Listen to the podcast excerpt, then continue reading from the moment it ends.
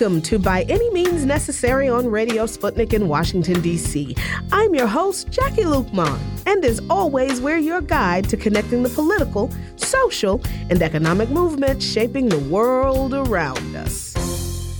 Today we're talking about the upcoming trial for seditious conspiracy of members of the Proud Boys, some new sanctions levied against Iran by the United States over alleged executions of protesters in that country.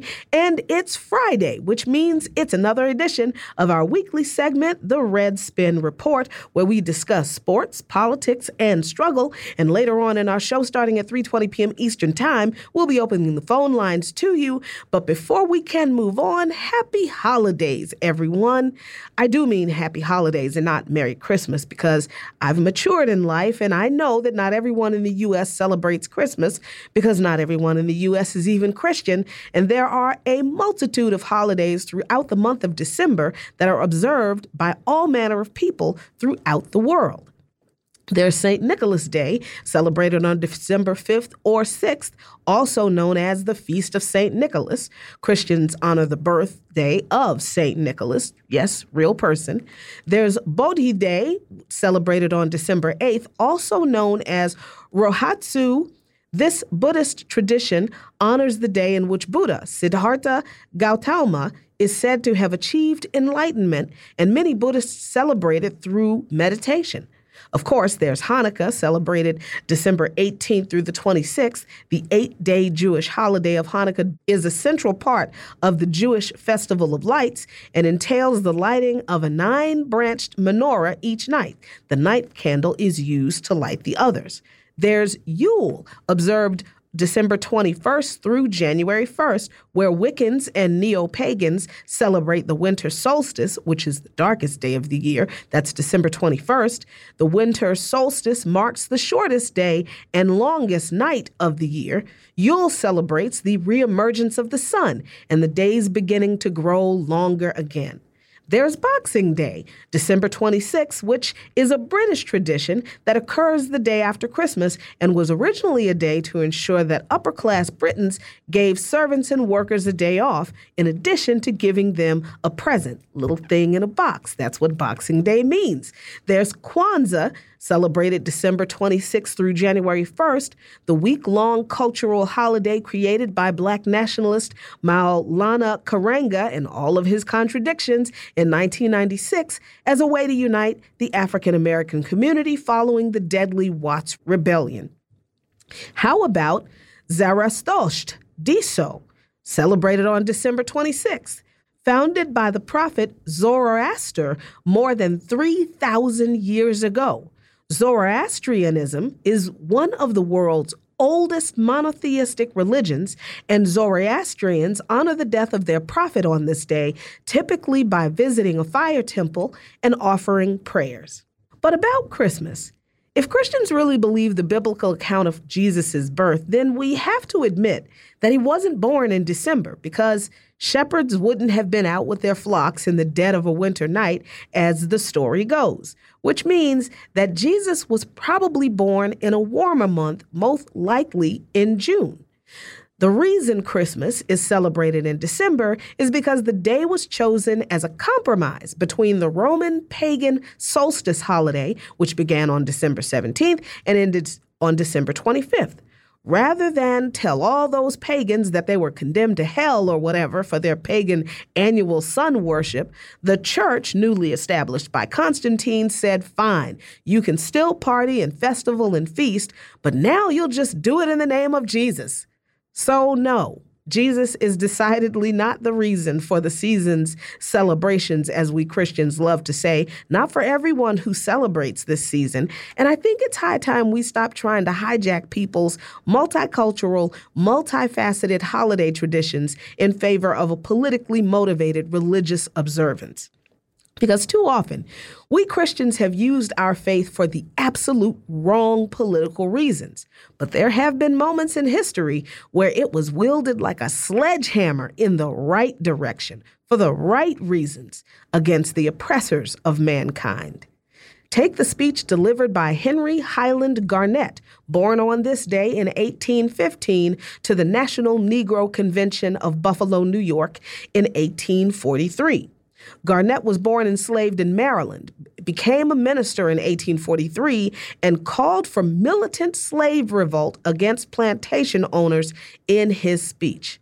Preaching fire and brimstone in his address, Garnet spoke of a Christian faith that did not require meekness and obedience to oppression, but the exact opposite.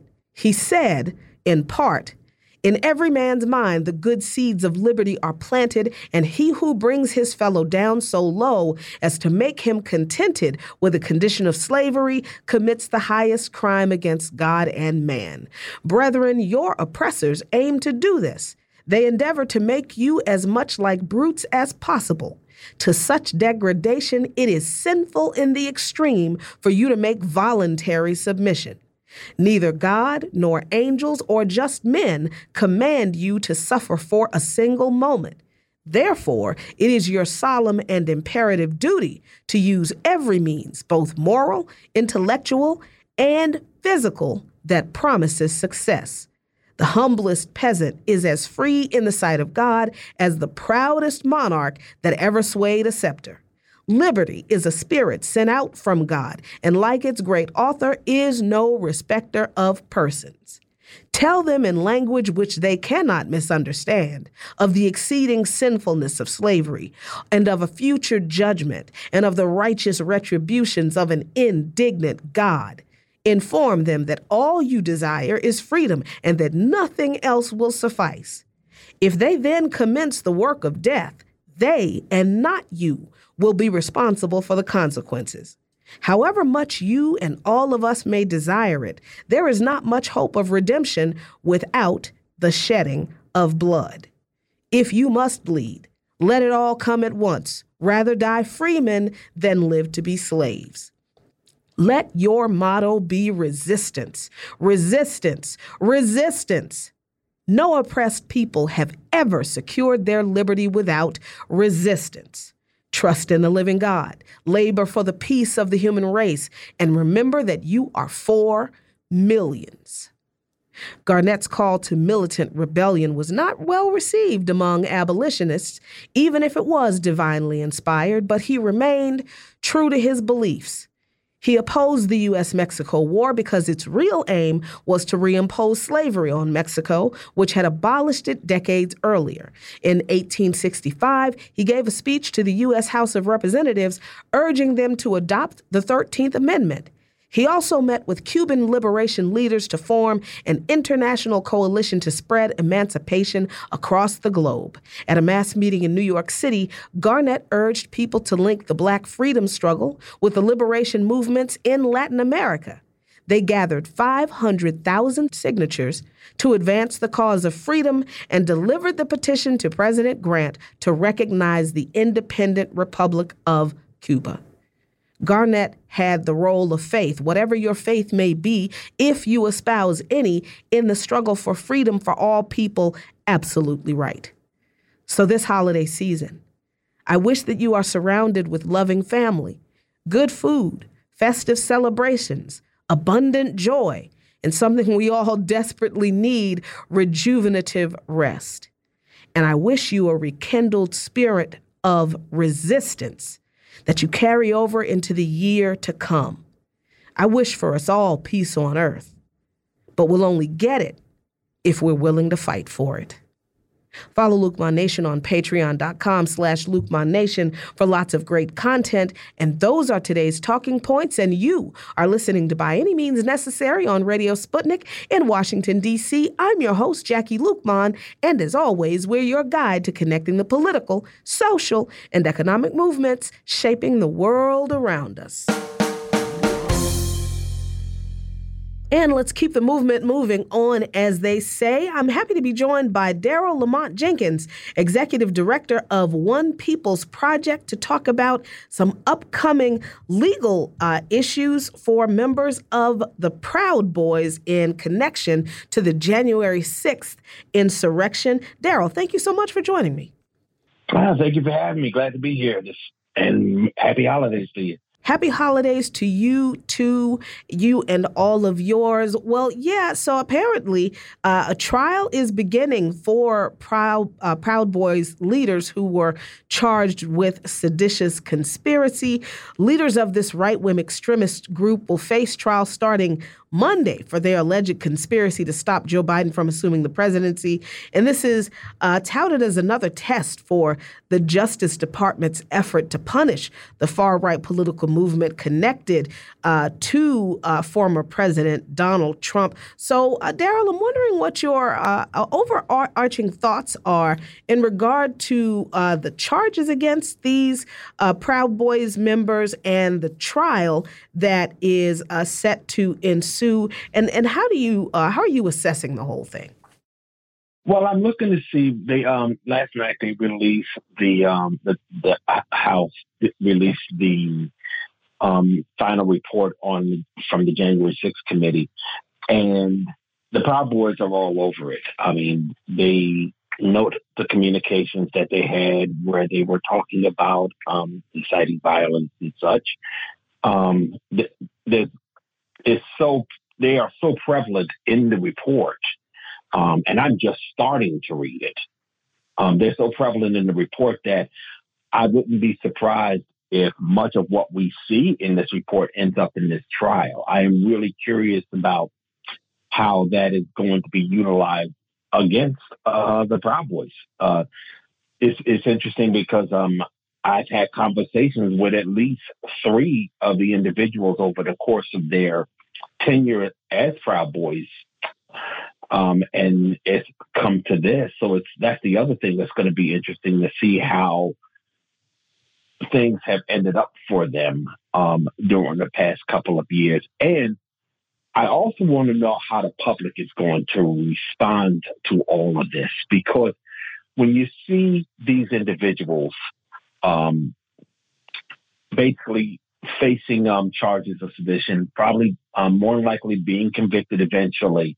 And you look at the fact that the Proud Boys are still active and even more violent than they have been, attacking the LGBTQ community and such. And then you think about, and I got to say this, their um, their founder, um, uh, Gavin McInnes, is still still in the United States, even though he's a Canadian national. I really want to see what does this mean for us as a society and whether or not we're going to finally deal with the group and not just the ones that we're getting um, that are on trial today. Yeah, the defendants in this case are Enrique Tarrio, a name that should be familiar to most people. He's the longtime chairman of the Proud Boys. Uh, Ethan Nordean, Proud Boys leader from Washington State. Joseph Biggs, an Army veteran and Proud Boys leader from Florida. Zachary Rehl, a former Marine and the president of, of the local Philadelphia chapter of the Proud Boys. And Dominic Pezzola, uh, who's a Proud Boy from New York. Um, you know, th- you you mentioned the uh, uh, House Select Committee's report, which is 800 some pages, um, including a lot of detail uh, about the investigation and and the information that they um, uh, uh, gleaned from their investigation. how do the Proud Boys present?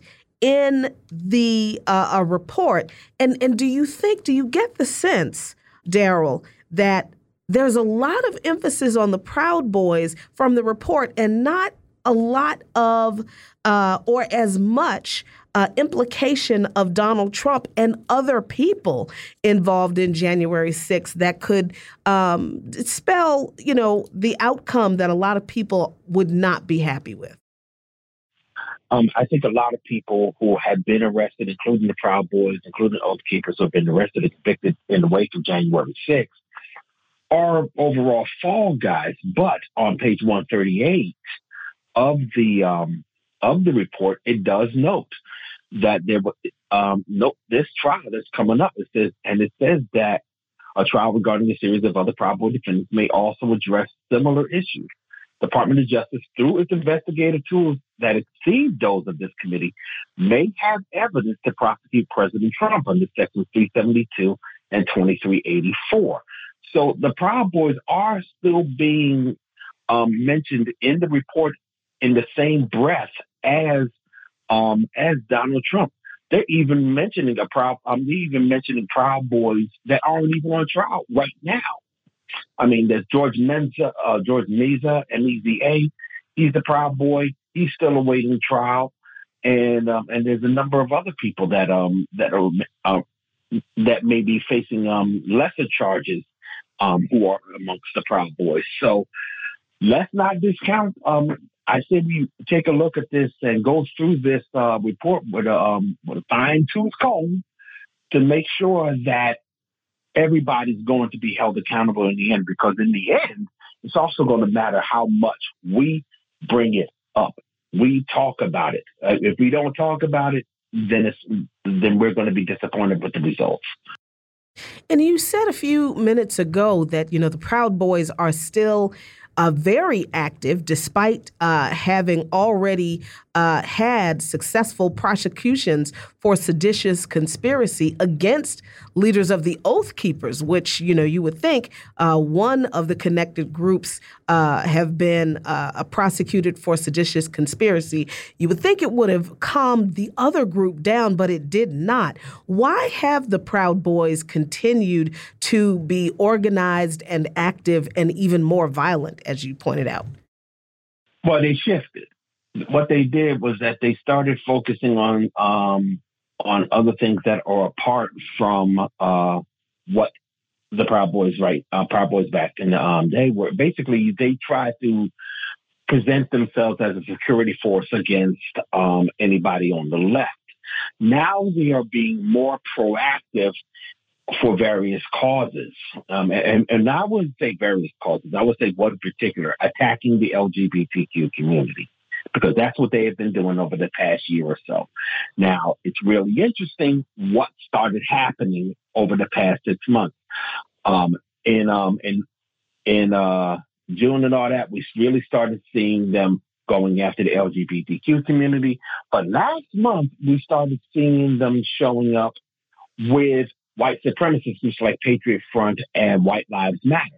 And they were also um, there to basically pick a fight with us outside the American Renaissance Conference back on November 8th, November 19th. And they have never showed up at the conference before. They were there to basically be some sort of muscle. They are, in many respects, um, they, it's a parallel to how the Klan operated back in the um, back in the 19th century when they started. They were the thugs. They were the muscle. They were the ones that were um, going after the political enemies of those who were above ground while maintaining some sort of plausible deniability. And that's one of the things we have to be mindful of. And that's going to be the downfall of the rest of the group if we keep on um, um, drawing attention to that as well. Yeah, and you know, this trial is um, of course, focused around the January 6th uh, uh, insurrection, where Proud Boys and Oath Keepers uh, played a prominent role. Uh, and it, it's being reported that 100, about 100 Proud Boys met at the Washington Monument the morning of January 6th. And this is according to prosecutors. This is their case against them. Uh, and they talked about the organization that these members that are being prosecuted had uh, on that day. So, can you give people a little bit of an insight, Daryle, into how these folks organized uh, to basically be the first people who quite literally broke into the U.S. Capitol uh, and create uh, the chaos that they are known for creating. Well, it's really interesting too because um, they thought that they were in the right enough that they allowed a news crew to come along with them. Uh, the, the Australian ABC came along with them as they negotiated things with uh, with the Oath Keepers in a in a um, parking lot, or rather a um, some sort of parking um, facility, and they also were seen with members of the Trump administration, in particular advisor Roger Stone. So I think they felt that they had the cover. I think they felt that they was able to do what they wanted to do because they got their um, marching orders, literally speaking, on high. So whenever things happened on January 6th, they went ahead and were um, went ahead and allowed to do what they wanted to do. They actually went home. That's one of the things everybody keeps forgetting about the January 6th folks. They were allowed to go home. Mm-hmm. and in the midst of, and as time went along, that people started calling for um, arrests and convictions and uh, prosecutions, that's when we started seeing the investigation. I started recognizing that the Proud Boys were involved as they were. And that's why we are seeing them in the kind of trouble that they're in today.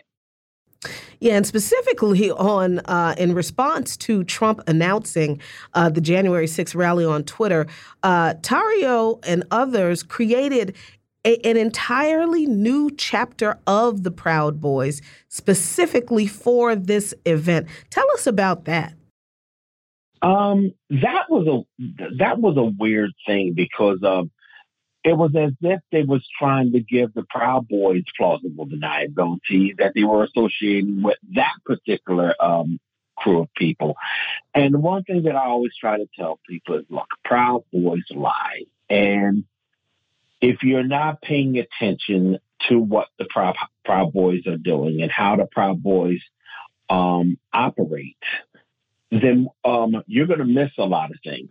But if you are paying attention, then you're going to notice that they, like I said before, have their um have their orders on high. They feel they can get away with just about anything and don't think that they're going to be prosecuted. Thing is, they're learning the hard way today that yes, they are getting prosecuted. Um, and it's because of what the people want. Um, I will also note, and this is very important, that when you're looking at the Proud Boys and the Oath Keepers, there's a lot of connections in law enforcement that are particularly concerning that we do not talk enough about. Not just law enforcement, but in other um, other government, local government institutions like the fire departments and such, that we do have to be mindful of because, and in the military, I should say, that we do have to be mindful of that also gives them the kind of cover that um, that makes them feel that they're untouchable. So we're really going to have to, even beyond this trial, we're really going to have to start pushing back on their operation anywhere else in the country, especially how violent they're becoming over the past couple of months alone. Yeah, definitely the uh, the prevalence of law enforcement, uh, local and federal, and military, former and current, in these uh, white supremacist organizations is definitely something that needs to be uh, highlighted quite a lot. And I do wonder if it will uh, be revealed in these proceedings. Uh, was it mentioned? Was this mentioned in the uh, uh House committee report, the, the law enforcement infiltration uh, in, in these organizations, Daryle? I don't know whether or not it is in the report. As I said, I'm just starting to read it now. Um, 845 pages takes some time to go through. Yeah. um, I will say that there has been um, basically news reports about this for for a number of uh, years, actually, but really more so now. As a matter of fact, I would do recall Stewart Rhodes from the Oath Keepers saying that at least 25%, I believe it was, of their membership were police officers, which stands to reason because, and they made no bones about the fact that um, when even when they started, that a lot of their um, members were officers. I can speak from experience because um, when I was in the military, um, there's some folks that I knew in the military that are currently oath keepers, and uh, and they were police officers while in the military. So um, so that is something to be concerned. That is definitely something that um, can be validated, I should say. Mm. Definitely. Yeah, absolutely. And, and it's interesting that uh, there is such a, a, high percentage of law enforcement or military in these organizations because was not one of the calls of Enrique Tarrio uh, uh, to Oath Keepers and their supporters was to turn on the police. He was hoping that they would attack the police after his arrest. Well, honestly speaking, um, by that point, they don't consider, um, they was making it clear, and they're still making it clear now that while they will still support local and state police, and I'm talking about the right in general, mm-hmm. local and state police. Federal law enforcement is is verboten, is persona non grata as far as the right is concerned. So turning on the police to Enrique Tarrio or Henry Tarrio, as we should call him, because that's his name, um, is uh, basically turning against the government, fighting the government. So uh, they don't consider really. I mean, I remember listening to some of the uh, people yelling at the cops while they were in uh, during January 6th, and some of those videos calling them oath breakers. So there's no love lost between the Proud Boys or anybody else on the right and uh, any kind of federal agent whatsoever. You know, there is not a whole lot of media attention around this trial, which is why I'm very glad that we are talking about it today. How do you see uh, the need for organizing and raising the continued threat of the Proud Boys and the Oath Keepers and groups like them uh, in this country? What do people need to do to keep uh, the threat of these organizations front and center in our organizing so that once this trial is over, uh, people don't stop thinking about uh, the fact that these people are still out here, they still exist, and they're still uh, existing to cause violence and damage to people? Well, one thing I will say is that they're just doing jury selection now. They expect to start trial on Monday, as you had said earlier. And um, I would say the other thing is that they're making it easy for us because they keep putting themselves in the news. They keep on threatening the uh, these LGBTQ establishments um, in the name of protecting ch- children against drag queens or what have you. Um, so they are putting themselves in the news, um, and we are simply just going to have to report on them ourselves. I mean, One People's Project, idavox.com, that's what we do. We report on any kind of activity that they're involved with. There's other groups like It's Going Down and Unicorn Riot. Um, we're we're all monitoring all of this, and I say everybody needs to go to those outlets, all of the outlets that are reporting on it. Um, Southern Poverty Law Center is good with it. Um, if the if uh, our local media, if our media isn't reporting on it, somebody is. I think that's one of the reasons why everybody's angry about what Elon Musk is doing to Twitter because you will get these reports um, on Twitter first, and all of a sudden, all those um, all those outlets started getting removed from Twitter. But the Proud Boys are starting to show up more. But uh, so um, that's why everybody's saying, "Yo, go over to other institutions, other um, social media outlets, so you do not miss any of the information that we're putting out there because they want you to." So keep yourself educated, but you got to um, but it's going to be incumbent upon all of us to basically chase it down, unfortunately, or just simply report on it ourselves. Absolutely. We want to thank you so much, Daryle Lamont Jenkins, for joining me today for this segment. We will be right back on By Any Means Necessary on Radio Sputnik in Washington, D.C., so please stay with us. By any means necessary.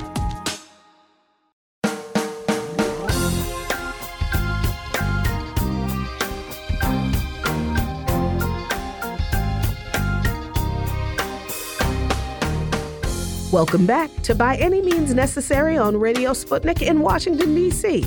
I'm your host, Jacquie Luqman, and as always, we're your guide to connecting the political, social, and economic movements shaping the world around us. And today we're talking about new sanctions imposed on Iran by the United States in relation to executions of alleged protesters in that country. And I'm happy to be joined by Dr. Seyed Mohammad Marandi, professor of English literature and Orientalism at the University of Tehran. Dr. Marandi, thank you so much for joining me. Thank you very much for having me appreciate you coming on to talk about these new sanctions that the U.S. has announced uh, against Iranian officials targeting organizations and government figures involved in the government's crackdown on protesters. At least that's the story the Department of the Treasury uh, is uh, sticking to in their statement on Wednesday that it was slapping the sanctions on Iran's prosecutor general, Mohammad Jafar Montazeri, for his involvement in a protest related execution, alongside several other figures and organizations that the U.S. has accused of complicity in human rights abuses. Dr. Marandi, what has actually happened in Iran uh, that uh, triggered the United States Department of Treasury to impose sanctions on something they claim are related to protests? First of all, it's important to keep in mind that the United States has sanctioned everything in Iran. There's nothing to sanction. It, this is just propaganda. This is uh, the United States um, attempting to uh, create an anti Iranian environment, as they always do. Uh, there's a running joke in Iran that someone found a, an old lady uh, in some far off village who hasn't been sanctioned. Everyone's sanctioned. There's you cannot import or export uh, using the Western dominated international financial system. Uh, all of Iranian television stations, uh, radio stations, they're all sanctioned. Um, many Iranians have lost their Instagram accounts, Telegram, uh, sorry, uh, Twitter accounts, Facebook accounts. So the silencing of Iran has begun a long time ago, and the sanctioning of all Iranians began a very long time ago. But with regards to this particular case, what happened was that after Mahsa Amini passed away, immediately Western Persian media and Saudi Persian media claimed that she was tortured and beaten to death. And in some cases, they said that she was in, tortured for three days. And then it turned out that she, when the footage came out a couple of days later, after there were protests, it showed that when she left the police van, she was not handcuffed. She did, had no signs of injury, and um, that uh, there was a, an autopsy where many key physicians in the countries they participated because of the sensitivity of the case.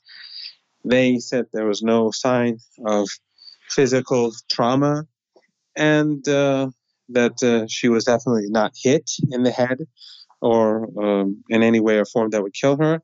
And it also turned out that she had a major operation on her brain.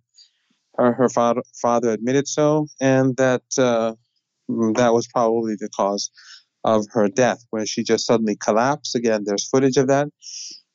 In any case, the protest gradually died down. And then we had, as the protest died down, partially because of the footage, partially because of the other points that I mentioned, but partially because um, riots were replacing them. And many of the protesters didn't want to be a part of the riots. So we began to see very, very violent riots supported by Persian media, Western Persian media, BBC Persian, VOA Persian, uh, violence that uh, Iran International, which is a Saudi outlet uh, based in London. Uh, these media outlets were calling for police to be killed.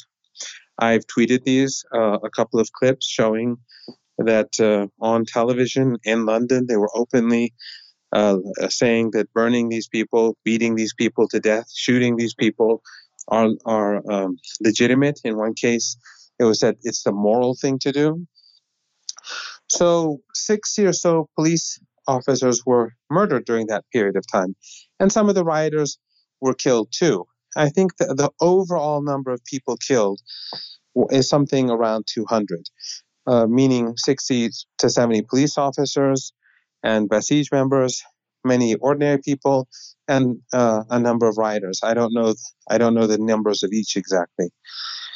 So the Iranians began to arrest these rioters. Many of them carried out gruesome attacks and murders on the streets, which were um, the footage is available.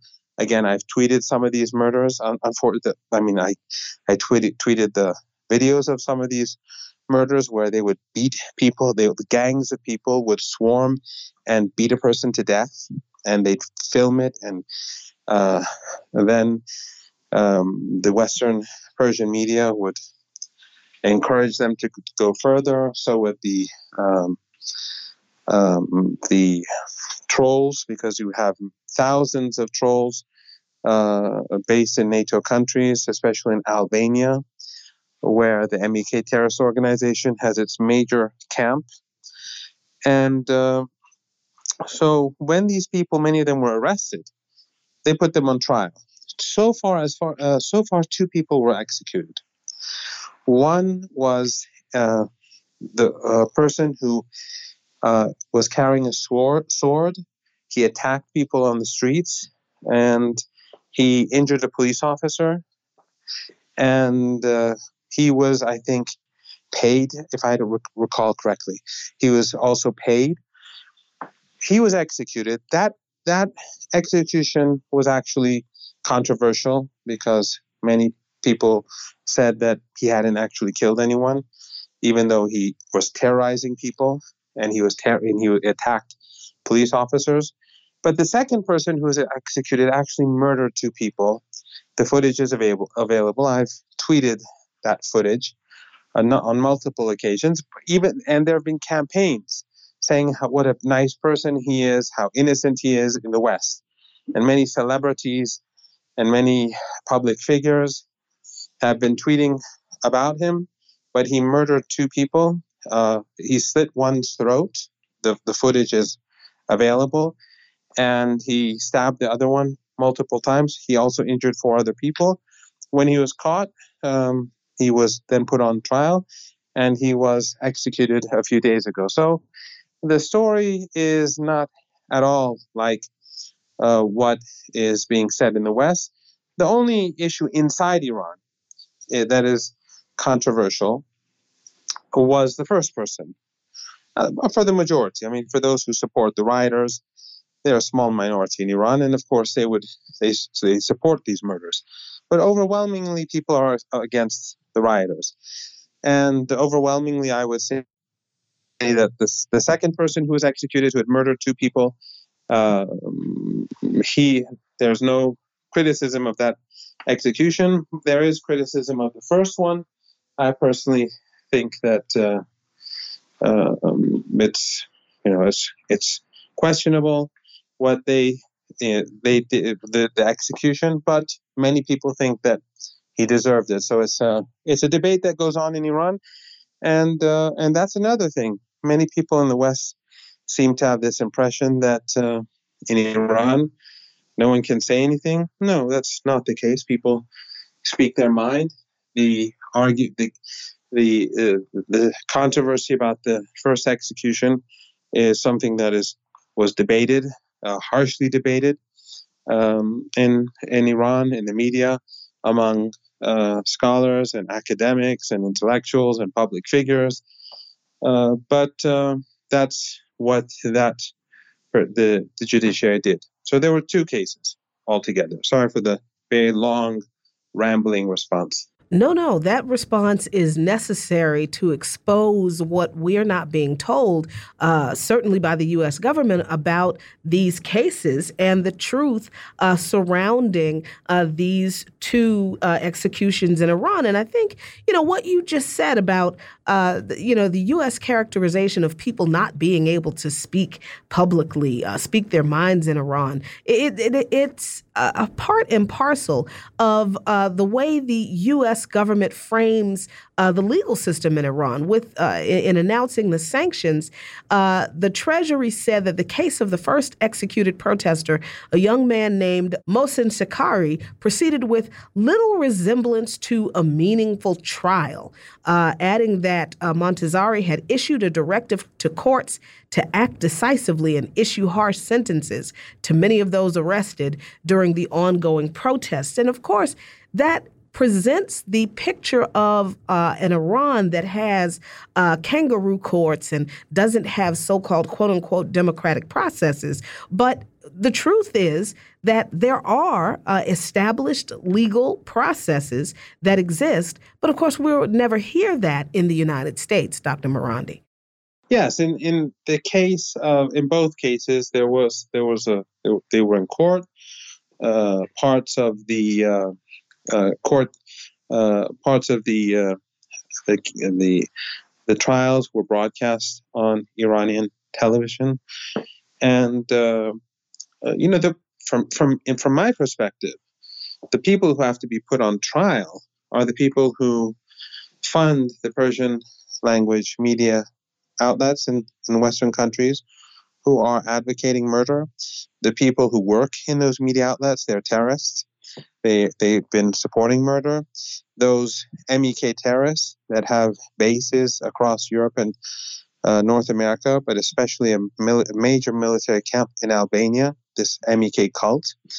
And uh, they're the ones who have been teaching people how to use how to use weapons against the police. I mean, if if sixty some between sixty to seventy police officers uh, were killed in a country like the UK, which has a similar population. Iran has 80 some million. The UK, I think, has 60 some million. Um, if, if, if 60, 70 police officers were murdered in the UK by rioters, there would be no way that uh, these people, the, the rioters, wouldn't have been crushed utterly. Or in the United States, uh, people are, are killed on the streets by the police simply for not uh, uh, obeying police officers. I mean, we've seen so many uh, examples of where, especially people of color, have been shot and killed by the police simply for disobeying them or for uh, misunderstanding their orders.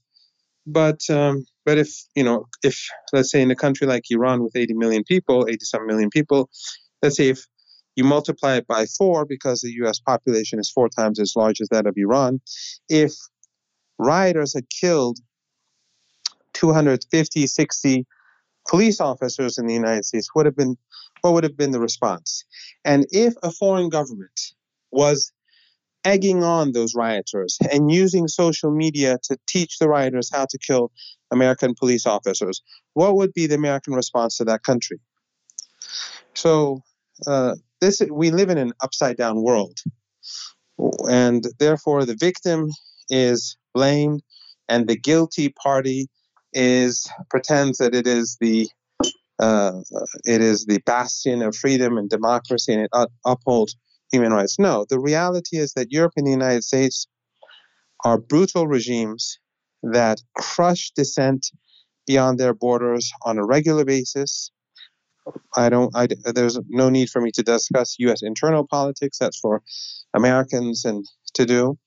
But you know, the destruction of the maximum pressure sanctions on Iranians, killing so many Iranians, supporting terrorist organizations, supporting Saddam Hussein during his war, giving him chemical weapons to use against the Iranian people, and then Yemen, Libya, Venezuela, Cuba, Nicaragua, uh, Yemen, as I said, Syria, supporting ISIS. I mean, the list goes on. So when the United States speaks about human rights and sanctions Iranians, for me, it is just simply ridiculous.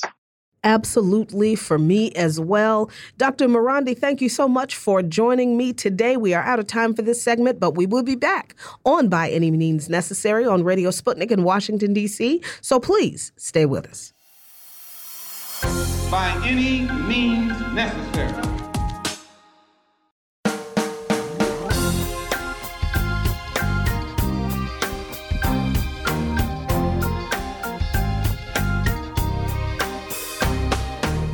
Welcome back to By Any Means Necessary on Radio Sputnik in Washington, D.C.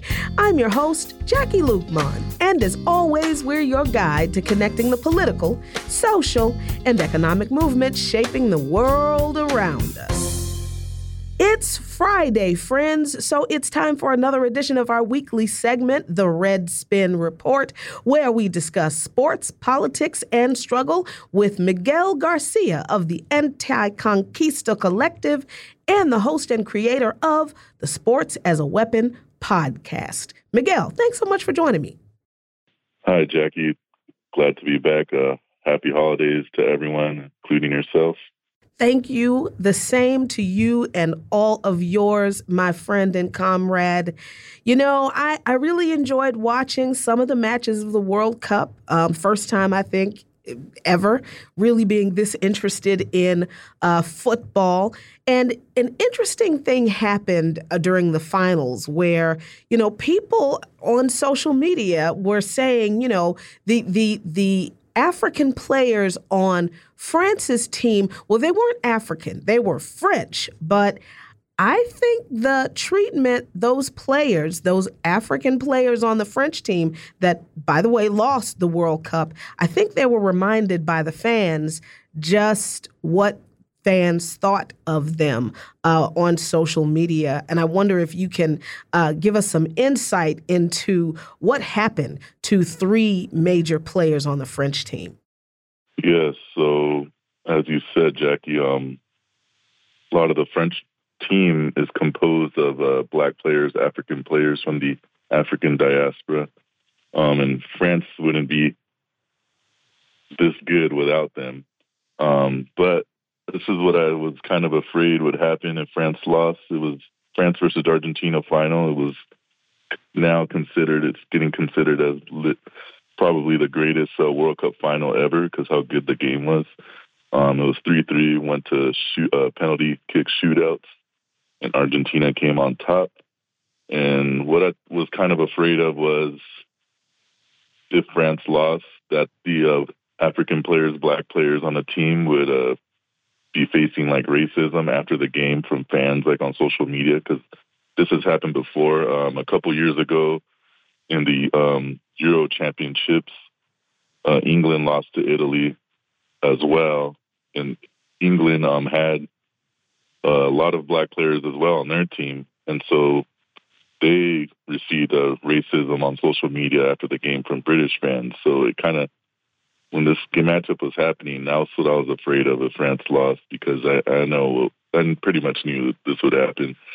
Um, and so after the match, I guess came out a few days later that three of the players on France started getting a uh, racist abuse, racist comments from French fans on social media that two of the players ended up shutting down their Instagram uh, comments, and then one of the other players limited the comments. Um, but this is very common throughout uh, European football. Um, there's been a history of it in Italy. just, you know, Europe, white people being racist, Europeans being racist. Um, but I, I kind of made this argument as well. It's like they love the black players when they win, and they they're French to them when they win, but when they lose, you know, the the truth comes out. They're just black. They're you know they face the racism from the white players. Yeah. Um, so this is just too uh, very common when it comes to football in Europe. Yeah, the three players are Aurélien uh, Tchouameni, uh, Kingsley Coman, and Randal Kolo Muani. And forgive me if I mispronounced these gentlemen's names. They all featured in Sunday's final uh, when were subjected to these vile messages on their accounts. Uh, Tchouameni and Coman both missed penalties in the shootout, while Kolo Muani missed a chance to win the game in extra time. Uh, and the messages they received included, of, of course, you know, racial epithets, but included banana and monkey emojis.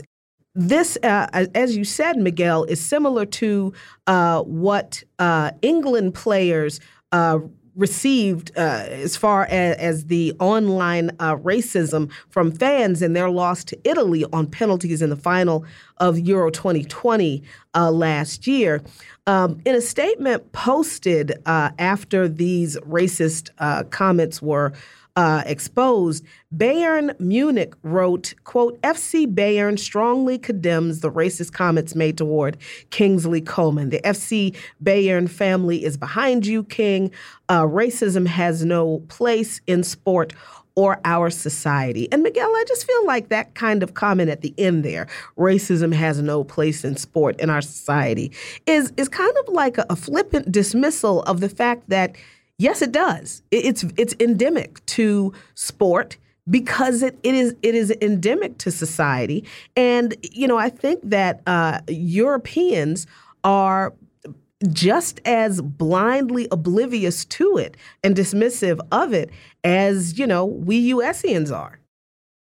Yeah, you are. Um, it's just like it also reminds me of how the NFL when they put the on their sideline they had put like end racism, but then it was like they would have like you know the watch.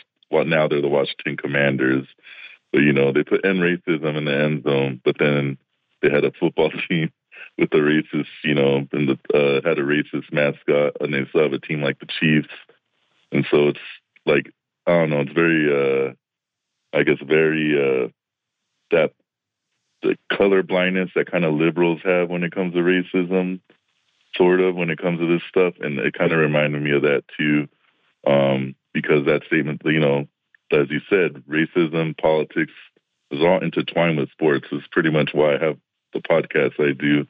Um, it, this has been going on for a long time. Um, like we said here, European football. It's been happening. Um, I remember there's an Italian player that used to play for Italy, a black player, Mario Balotelli, and he would face racism. Um, and a lot of the things the black players face in European football is, as you mentioned, that some of the comments were, uh, you know, banana emojis, monkey emojis. They've been there have been games where black players face abuse from fans at the game, where um, fans throw banana peels at them. So this is, you know, that statement sounds good, but you know, this the racism's been intertwined with sports and that sport for so long. It's essentially, unfortunately, part of it. Um, and uh, this this whole thing always makes me mad whenever this happens. Um, it is something that uh, we're just gonna have to keep fighting against, just like how we have to fight against racism, white supremacy, and you know society in general. Yeah, absolutely. And uh, a little bit of a pivot here back to the U.S. and uh, sports here. Trevor Bauer, uh, Major League Baseball player who has been uh, suspended for 324 games following an invest- investigation by Major League Baseball into uh, domestic violence issues. Um, is back in the spotlight. And tell us what's going on with Bauer and his suspension. Will he be back for next season or is he done?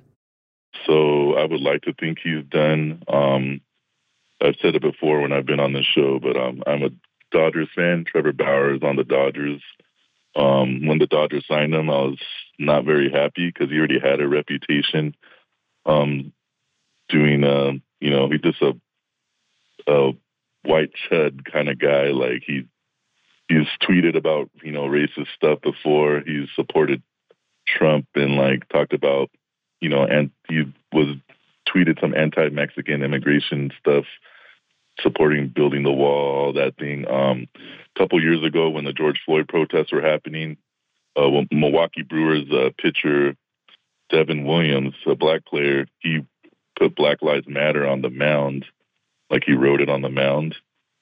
And I guess, you know, after he pitched, Trevor Bauer was pitching that game while he was on the Cincinnati Reds at that time.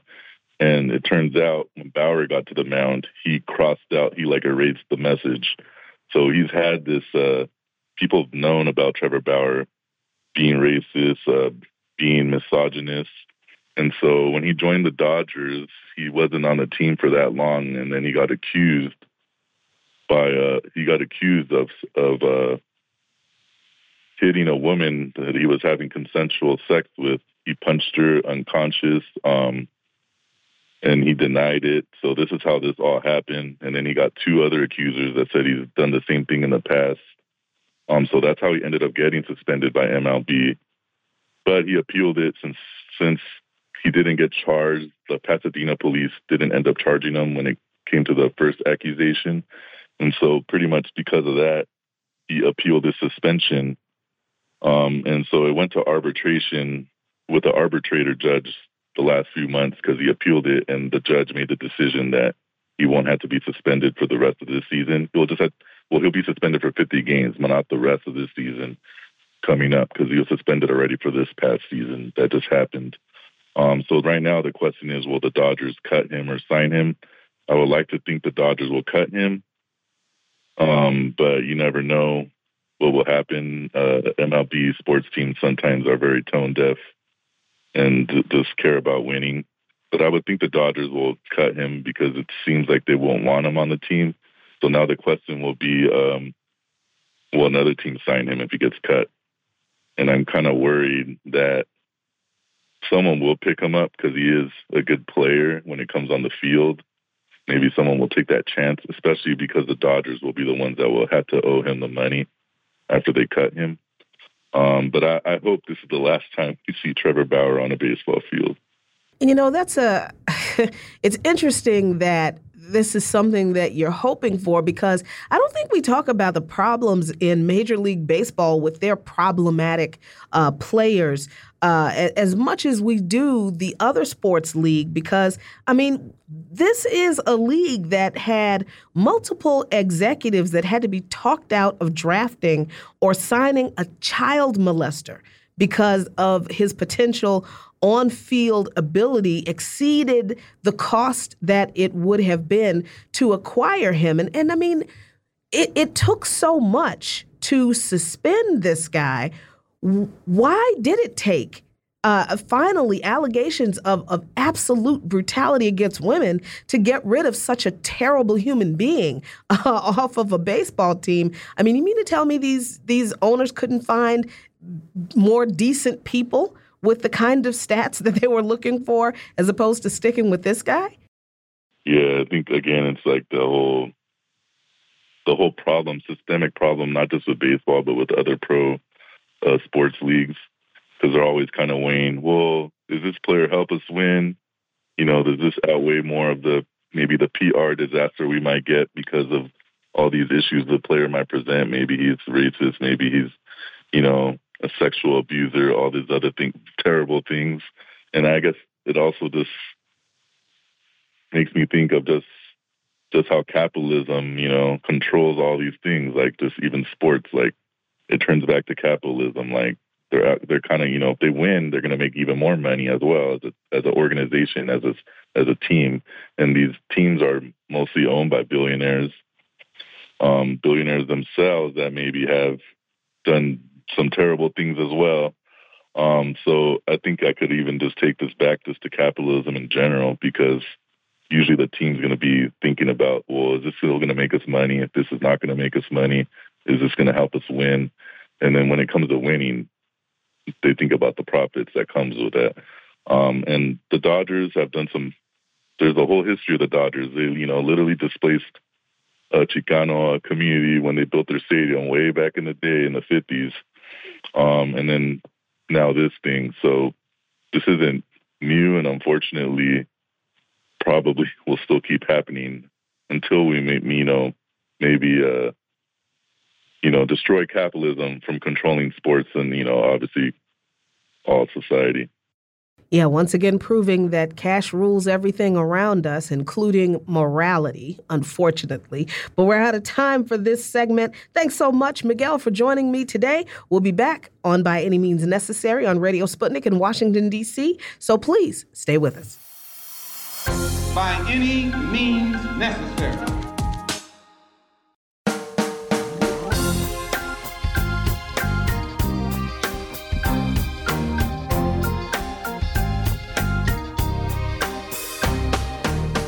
Welcome back to By Any Means Necessary on Radio Sputnik in Washington, D.C.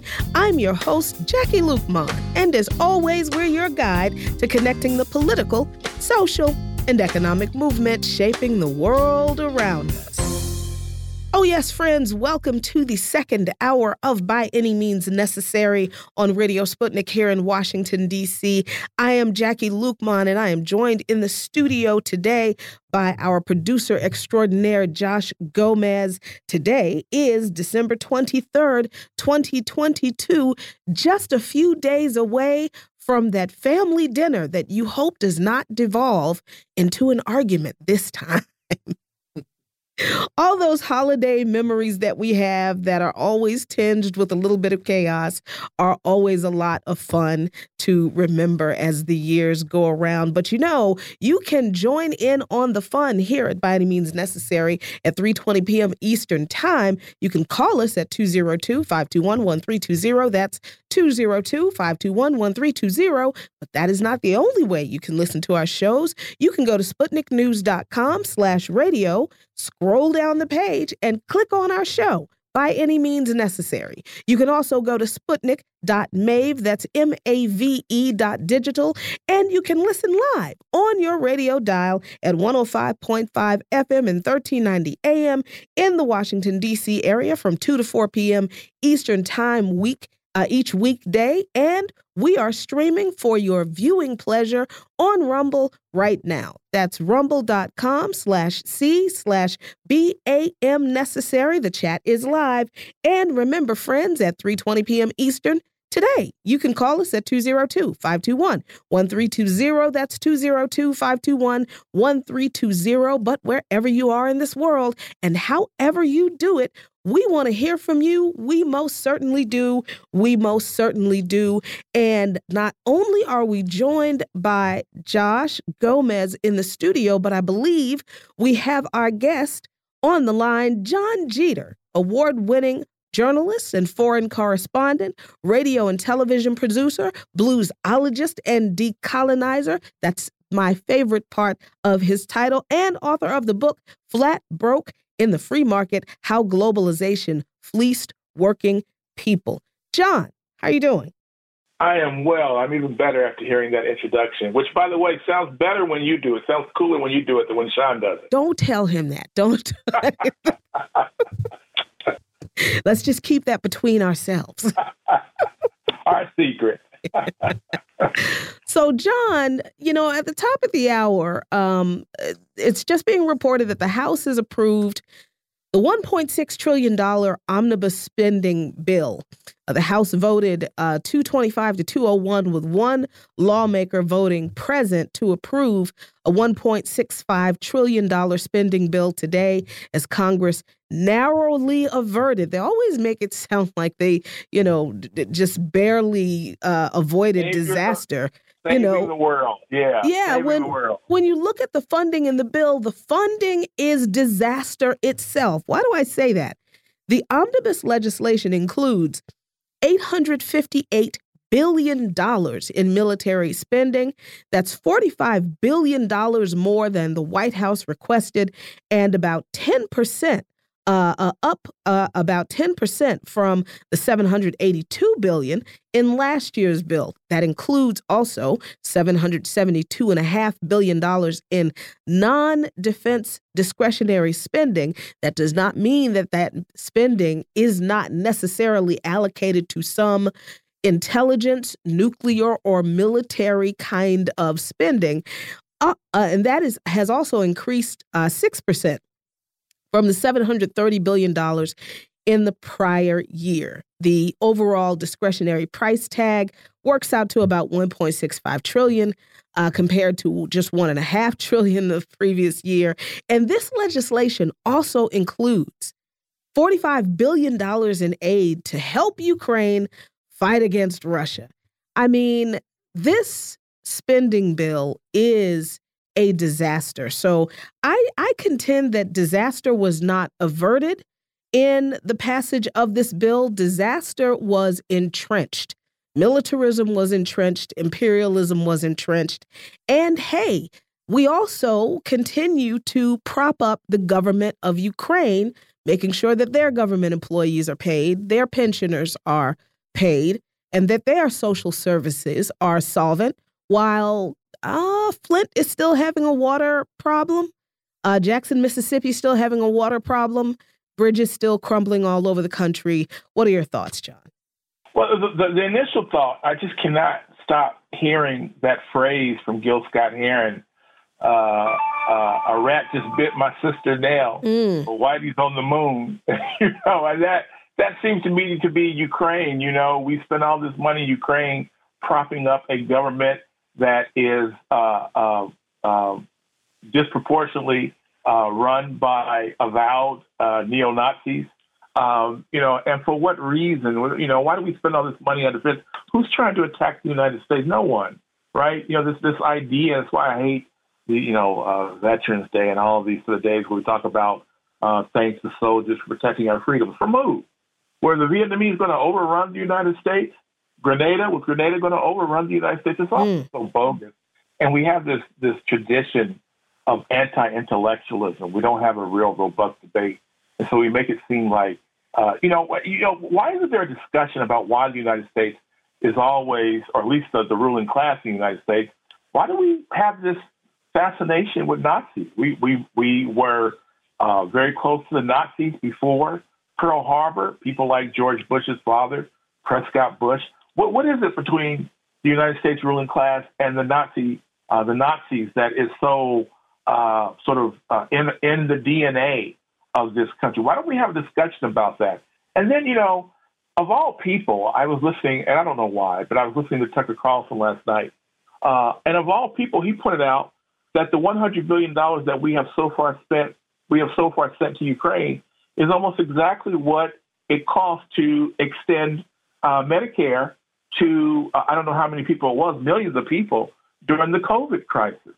So, you know, this is a, it's a house of cards. It's a, the United States is really a Potemkin village of democracy, uh, where the people want one thing, we get another, and the media tells you to, you know, suck it up. It's good for you. Uh, this is who you are. But this can't, you know, what, what, as the slaves used to say, Amiri Baraka said the slaves would always say, we might be wrong, but we won't be wrong always. Well, uh, pretty soon here, I think we're going to be right. Mm. You know, and I, I, I don't know how I feel about the fact that Tucker, Tucker Carlson uh, made a valid point that I cannot disagree with because he is right. Um, and, and it is a shame that it took a Tucker Carlson to make that point. And there are not on the political spectrum in this country, there are not folks on the opposition to the GOP, to the right wing that are supposed to be the opposition to the GOP. They're not the ones making this point. Instead, John, they were in Congress um, the other night giving Vol- uh, Volodymyr Zelensky 18 standing ovations. Not one, not five, not 10, but 18 standing ovations as uh, uh, Zelensky goes to Congress and says that uh, the money that is being sent to uh, Ukraine is not charity. He literally said that. Your money is not charity, he said in English, clad in his customary khaki fatigues. He said it is an investment in the global security and democracy. Now, I know that people will find different uh, uh, reasons to uh, uh hope for uh, the demise of Russia and the defeat of Vladimir Putin, particularly because I, I actually think, John, when people talk about this conflict in Ukraine, they're not talking about this from the perspective of certainly not what actually happened that led up to this conflict, going all the way back to 2014. And actually, you can go all the way back to the end of World War II if you really want to talk about uh, uh, fascism and the entrenchment of fascism in this country and the way the U.S. intelligence state, namely the CIA, helped facilitate that after World War II. But I know that we have a difficult time with uh, actual history in this country. So, okay, let's go back to 2014. I know most people who are who who are heavily invested in wanting to see the defeat of Russia in this conflict are not coming at it from the perspective of anything historical, not even from what actually happened in 2014. Their perspective comes from what I'm looking at is the Hitlerization of Vladimir Putin in particular. Like, this country has this bizarre fetish with Nazis, but it's it's a fetish in reverse. It, it's it's like we don't recognize actual Nazis and actual fascists because if we did, Zelensky would not have made that address in Congress. He would not be welcomed in Congress because he would be recognized as a fascist that he is.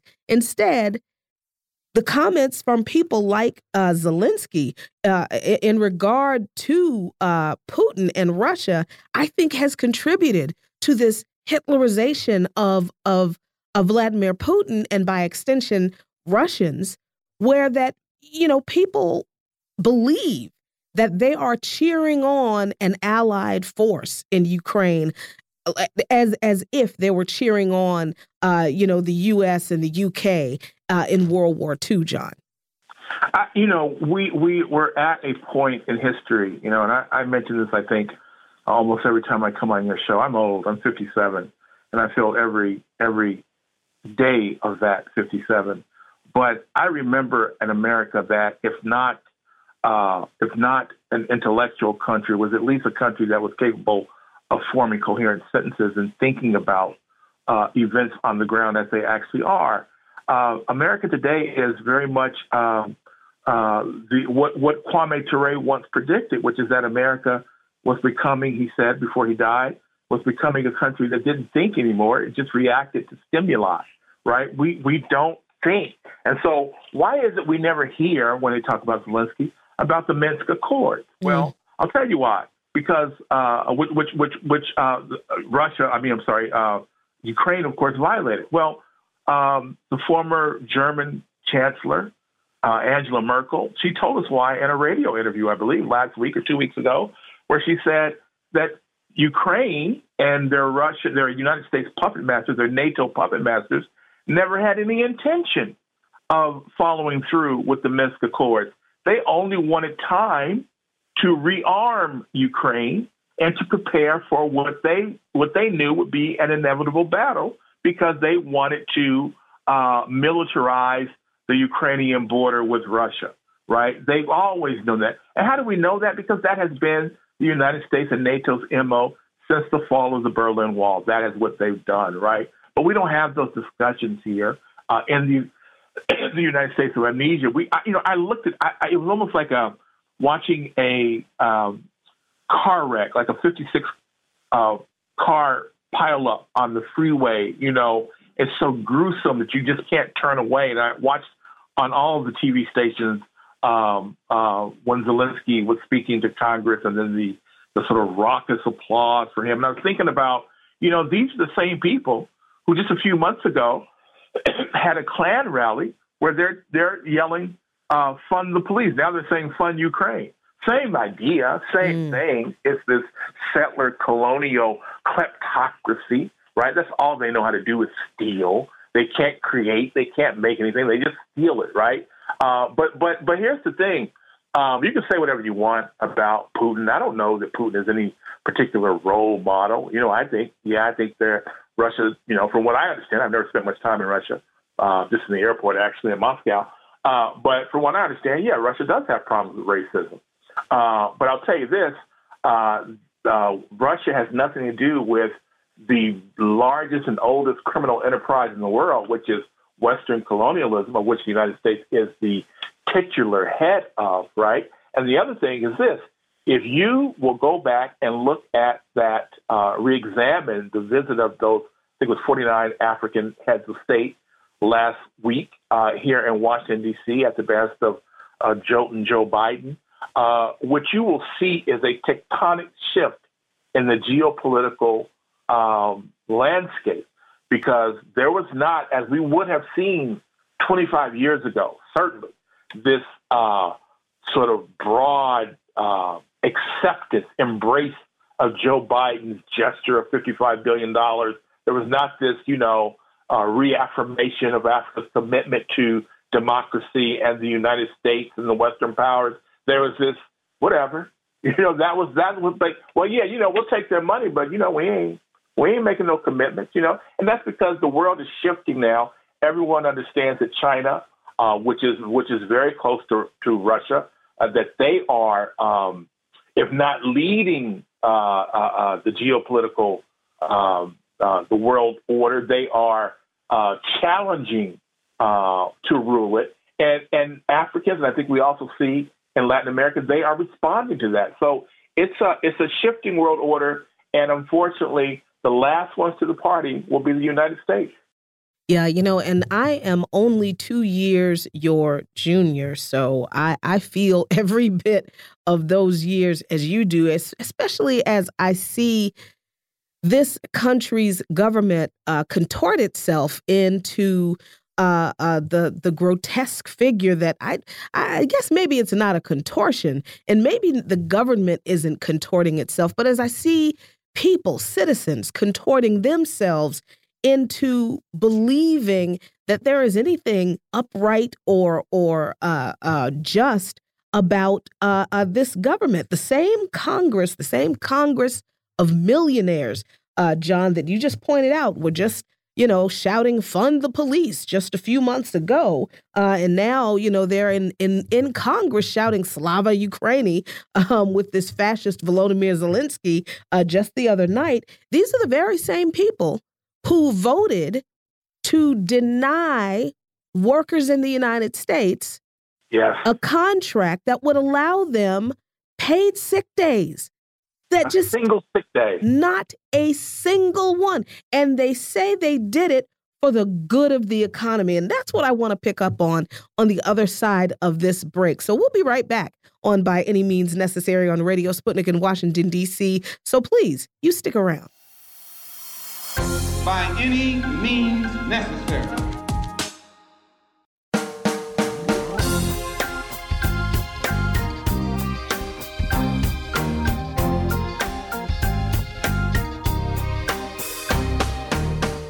Welcome back to By Any Means Necessary on Radio Sputnik in Washington, D.C.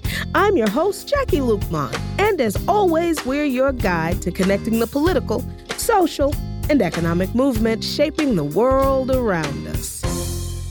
Phone lines are now open, friends 202 521 1320. That's 202 521 1320. I am Jacquie Luqman, and I continue to be joined by John Jeter. And John, you know, just in case people were wondering or thinking that this railroad strike that didn't happen because of what Congress did uh, was just some flash in the pan thing uh, that that you know cooked up overnight.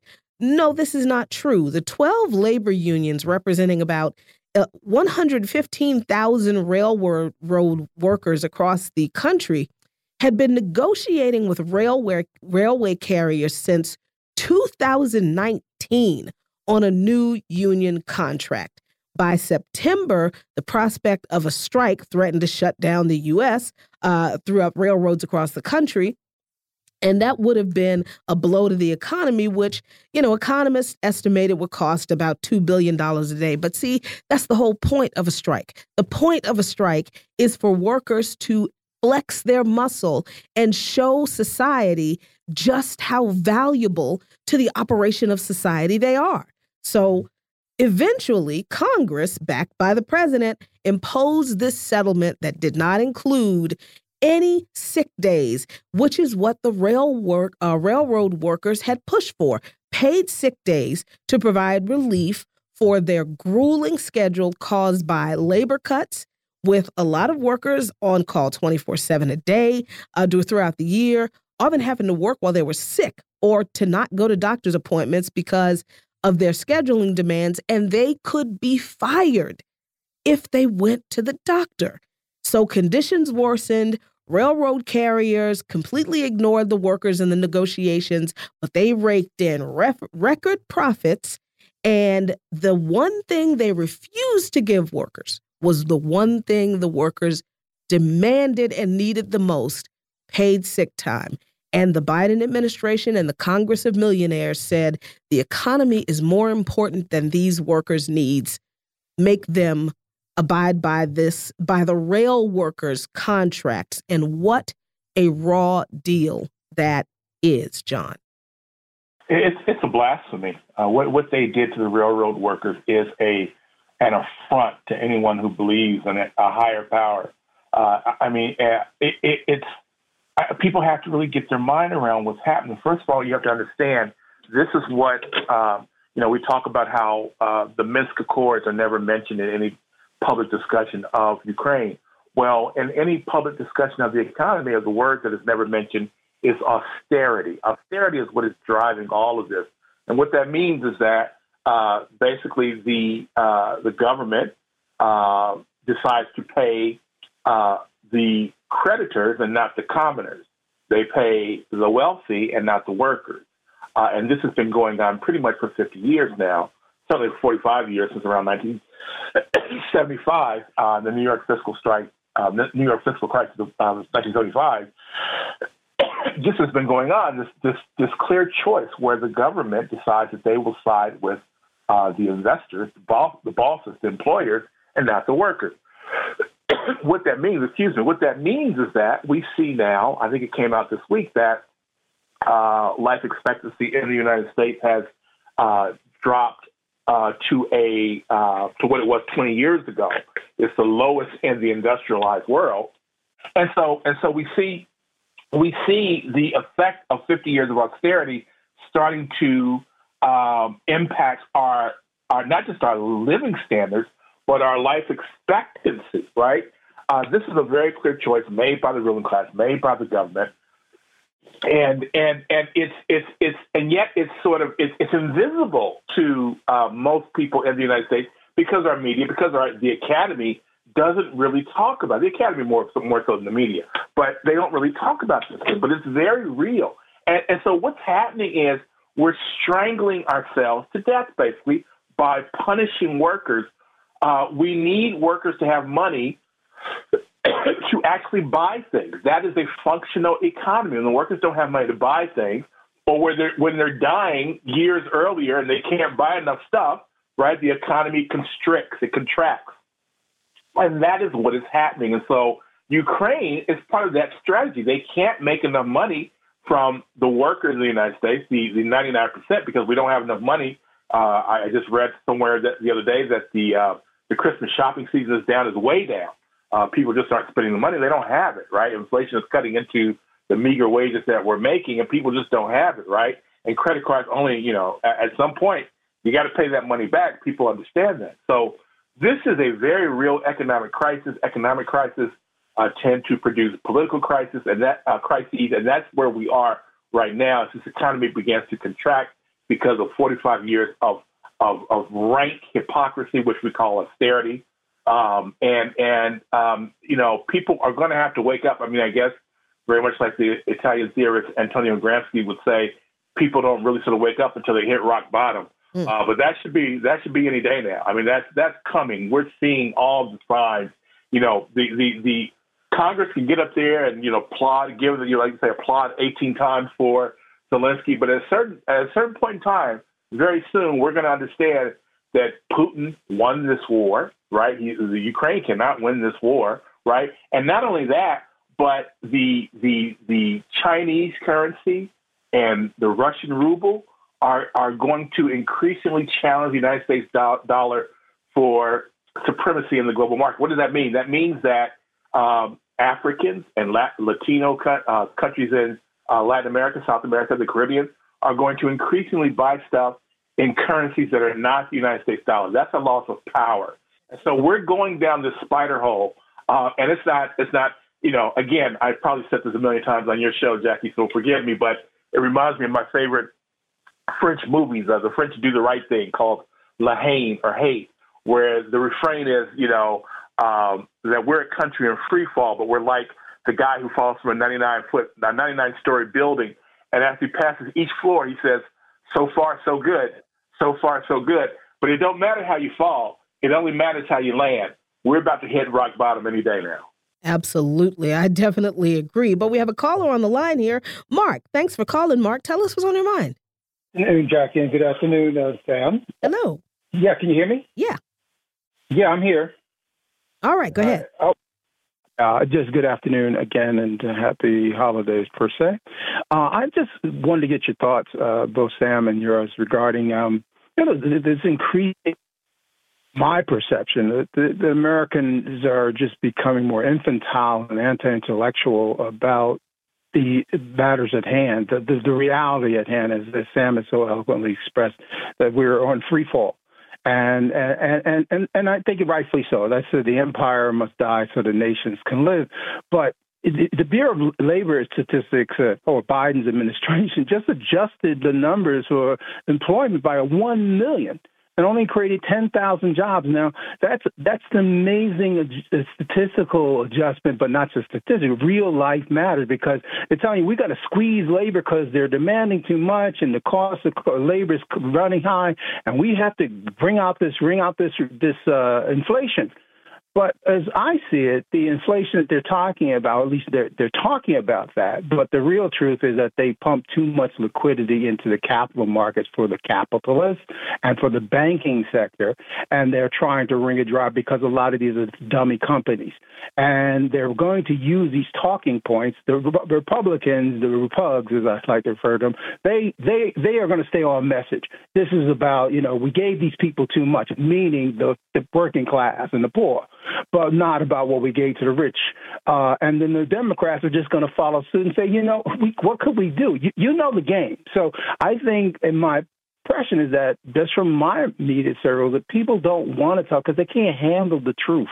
I think not only because of repressive nature and people living day to day, we we see the, the decline of our um, not, the life expectancies in America due to what? Drugs, escapism. People are drugging out, tuning out, doing whatever to avoid the realities of what must be done. Your thoughts, please. Mm, thanks so much for your call, Mark. Hope to hear from you again soon. Uh, John, what are your thoughts on the caller? I, I agree 100% with the caller. We, we never talk about uh, the Great Recession, which was re- really never addressed uh, by our political class. We never talk about the uh, how we handled the Great Recession. Uh, typically, when you have an asset bubble that bursts, uh, I think I think in every asset bubble in modern history that's happened, it can happen a little bit in the 2001 um, uh, tech uh, when the tech bubble burst in 2001. But uh, basically, the first time in history where an asset bubble was addressed not by cutting off this exorbitant debt, cutting shaving off some of the debt, what they call a haircut, right, so that you can revive people's buying power they kept it in place, and instead, they gave the money to the bankers who had issued these loans, but they knew people couldn't pay back. They gave the money to the bankers. They they they uh, to to to have basically have them reinflate the bubble, and that's why housing prices are what they are right now. We've reinflated that bubble. It was never it, it, it was popped, but we didn't repay the people who were swindled out of their homes. We repaid the bankers, basically encouraging them to do it again, which is why the irony of of, uh, of Barack Obama talking about we couldn't really help homeowners because of what is like moral hazard, right? The moral hazard is on behalf of the bankers, not the the homeowners.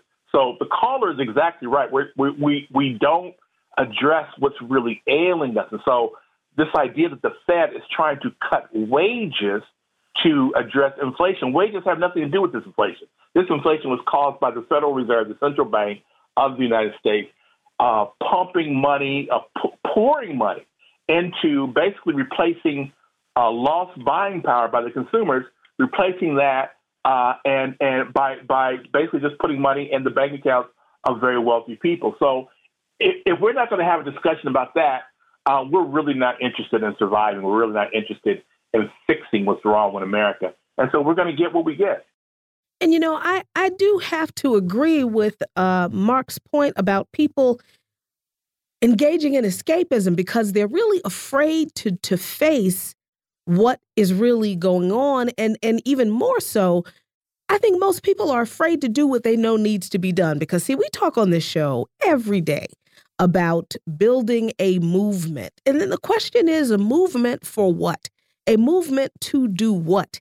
A movement to change this system. And there is no change that can, can be affected to this system from within the system.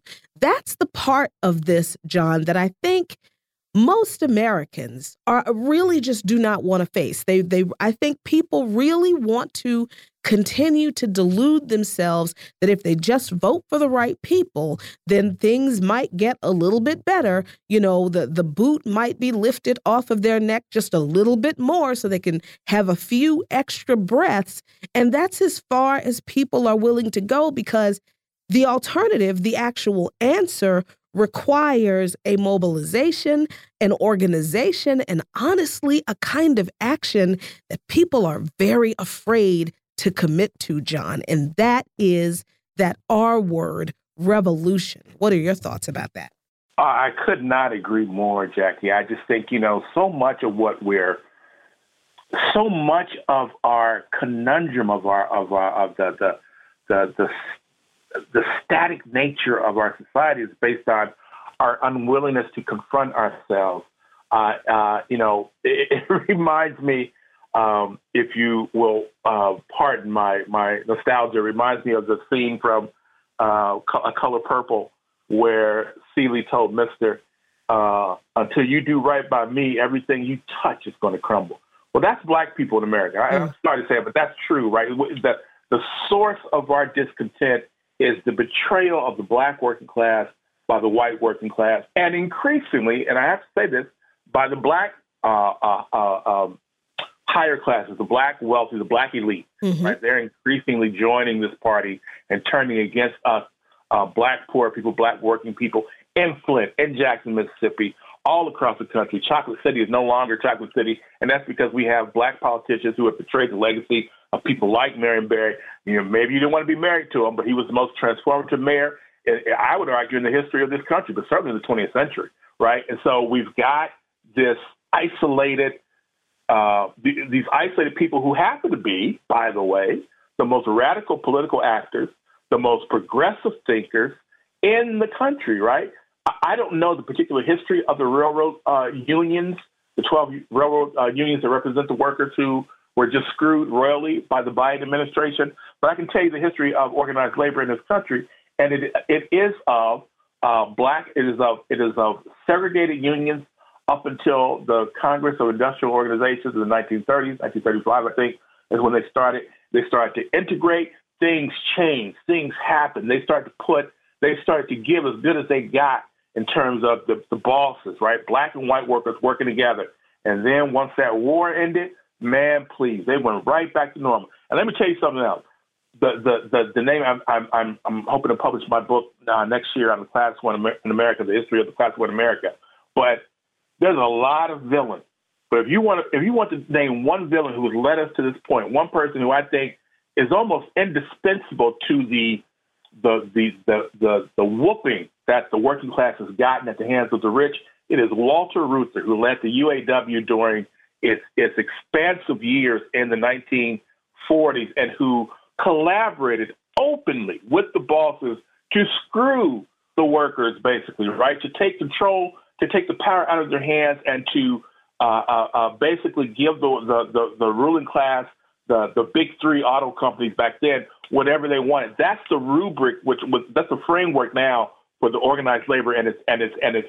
And, and by the way, I should say that that part of that was it was he catered to whites rather than the more radical black actors who really made the UAW's expansion possible. And so that's what we see now, where the more radical actors, more radical black actors typically are squeezed from the debate, squeezed from the from the negotiating table, marginalized from the, from the negotiating table, and we get what we get, which is uh, a shrinking part of the pie. Why in the world are American workers satisfied to get 40% of the income, and yet you do 100% of the work? Mm. How does that even make sense? But we don't we don't talk we don't we don't even have the someone said this, and of course this is uh, this is not an original thought, but but it's it's true we don't even have the political language, the political tools to address our discontent in this day and time.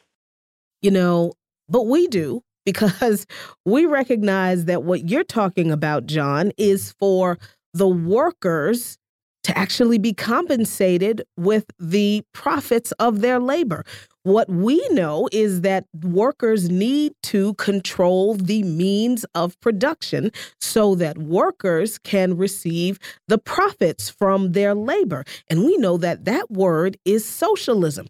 That word is verboten among the political class and certainly the uh, labor management class. Let's not forget that not all of these 12 labor unions were against this deal from the railroad uh, road bosses. Some of them took it, but it was there were four labor unions that balked and said, "Nope, this is not the deal." So we have to. You're correct, John. Deal with the labor misleadership class as well as the black misleadership class.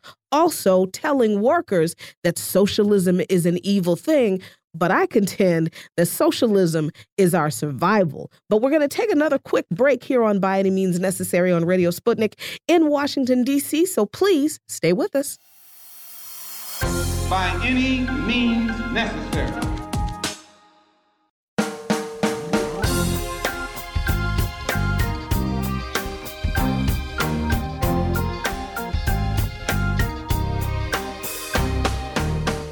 Welcome back to By Any Means Necessary on Radio Sputnik in Washington, D.C. I'm your host, Jacquie Luqman. And as always, we're your guide to connecting the political, social, and economic movements shaping the world around us.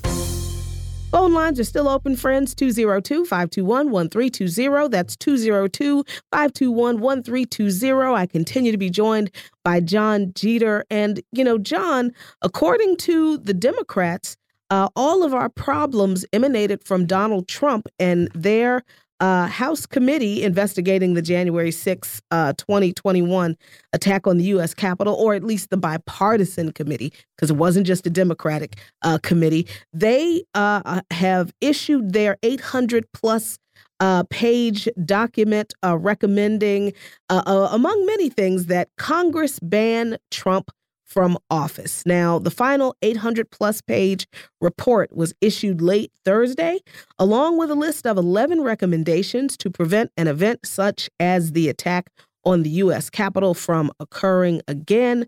Among the proposals, reform of the Electoral Count Act to clarify that a vice president has no authority to reject electoral electoral states submitted by the states wholesale expansion of federal law enforcement agencies' scrutiny of extremist groups. Oh, that's going to go well, including white nationalists and violent anti government groups. Hold on. Let me stop right there. I'm, not even going to read the whole 11, uh, uh, uh, 11 uh, uh, recommendation list.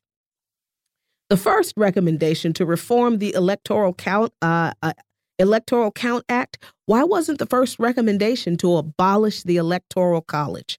That's my question. Second, uh, expansion of federal law enforcement agency scrutiny of extremist, extremist groups, including white nationalists and violent anti government groups. Well, who are the rest of the groups that they are talking about if they aren't talking about white nationalists and anti government groups that actually carried out the attack on the U.S. Capitol. I'm so confused, John. Please enlighten me. Well, for, first of all, the reason they didn't they didn't mention abolishing the electoral college is because, uh, as uh, Chris Rock said, uh, ain't no money in the cure. The money's in the treatment. So that's the first thing. I, you know, this thing with Trump, um, it, it would almost be amusing if it weren't so funny. You swear they want to blame everything on him. You just sort of wonder like where have y'all been for the last 20 years before Trump ever took office? You know, I, I just don't understand it. But but let me say this: this is this is the, the key point I think that that escapes most Americans, not because they're dumb, but because the media won't tell you, the the Academy won't really tell you. But the reason they hate Donald Trump is not because he's a racist. Lord knows uh, that is uh, uh, a virtue for most people, certainly in Congress and, inside the Beltway. Um, uh, and it's not because he's crude or uh, because he uh, orchestrated a uh, a riot or, or, tried to overturn the vote, and all these things he certainly did. And I have no problem if the American people hold him accountable. But that's not what's driving this uh, uh, this this effort to purge him from the political uh, landscape. What's what's driving this is what we saw just the other night. Those the the the 18 applause lines uh, for Zelensky, um, uh, Donald Trump would throw a monkey wrench into that, right? Uh, the one, the one thing you can say about Donald Trump is that he is not the warmonger that Joe Biden is, that that Barack Obama was, that George Bush, uh, baby Bush was, that Bill Clinton was.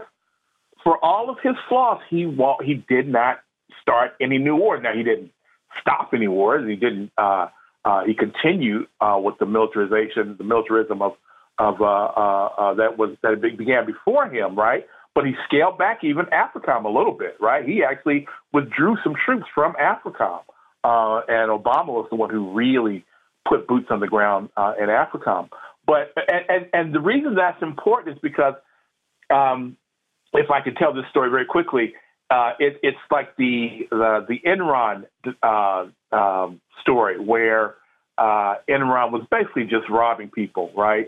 And they were celebrating, you know, these these these record windfall profits. And they had this conference call, and uh, the reporters were they could hear the champagne glasses clinking as they announced these profits, and everybody whoop, you know whoop whoop hooray. And this one young reporter, very young woman reporter for I think it was for I don't remember who she worked for at the time, but she didn't understand. She just stopped and she said, "I'm sorry, but can you explain how you make your money again?"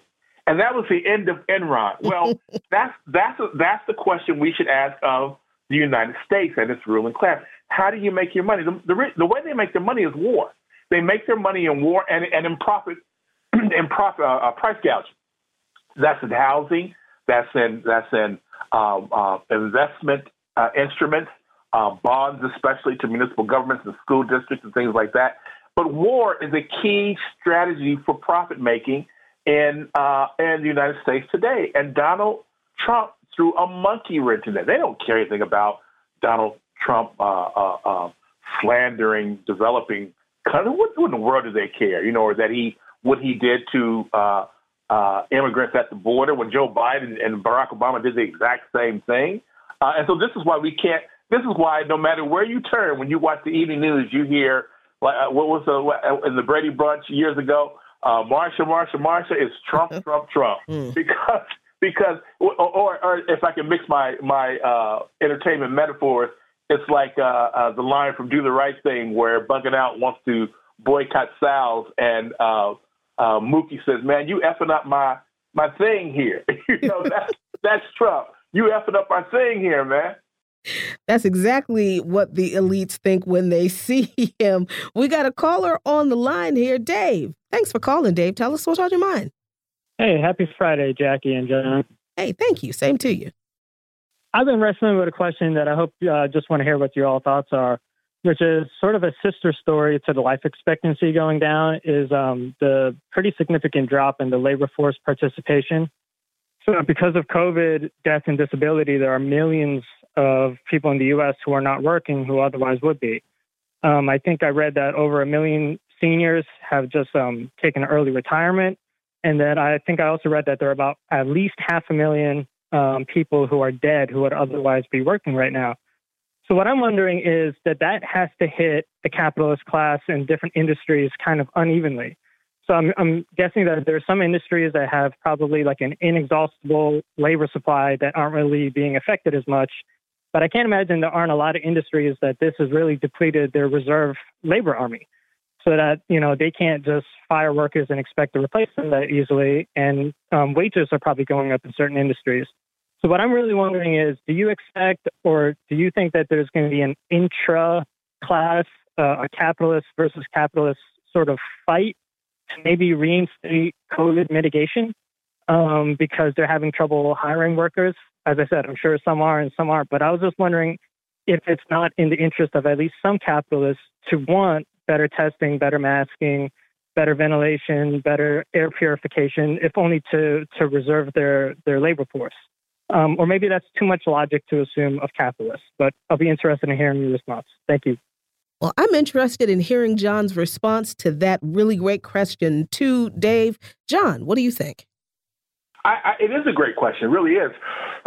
I, I don't think that the capitalists think that far ahead. I think um, you know, the, the labor market participation rate has been going down really for about 70 years. It was almost, uh, for men at least, who are working age, it was 90% in the 50s, got down to, I think, something like 75% in the early 70s. And if I'm not mistaken, it's now down around uh, 65%. Uh, might even be a little lower uh, because of COVID. And, but well, not because of COVID, because of the deindustrialization is the main thing. But COVID accelerates this trend. But my guess is that that only cuts into the surplus labor. the reason they're having a a problem hiring is not because there's uh, there's an uh, there's an inadequate number of laborers. There's just they don't want to pay enough, and that's the reason, right? That's the problem. Uh, will this drive up wages? I don't think so because the uh, the Federal Reserve's actions are, I mean, that's a neutron bomb. That's just so toxic where they're um, sending up uh, uh, uh, um, the rates at which people can borrow money, I mean, that's a killer. We, we don't know all the things that cause inflation, but we know what will put um, a stop to it. That's killing jobs, and that, that is driving up the, the, uh, uh, federal funds rate. And so I don't I don't expect, but I, I have to admit I don't know, uh, but I don't expect that we will see any kind of counteraction by employers to sort of take better care of their workers, or at least not one that is driven by COVID. I think, in fact, that because the healthcare industry is making money hand over fist, and the the the the, uh, the, the titans of finance and industry are very much like the mob. They don't mess with someone. One, they don't mess with another mob's racket. So I don't think there's going to be any pushback. I wouldn't expect that. Who knows? We're really entering uncharted territory, though, where um, you know people's people's wages are so low that uh, you know you have to understand for for basically 12 years we printed money because um, we printed profits for the for the rich um, because people didn't really have enough to sustain the economy.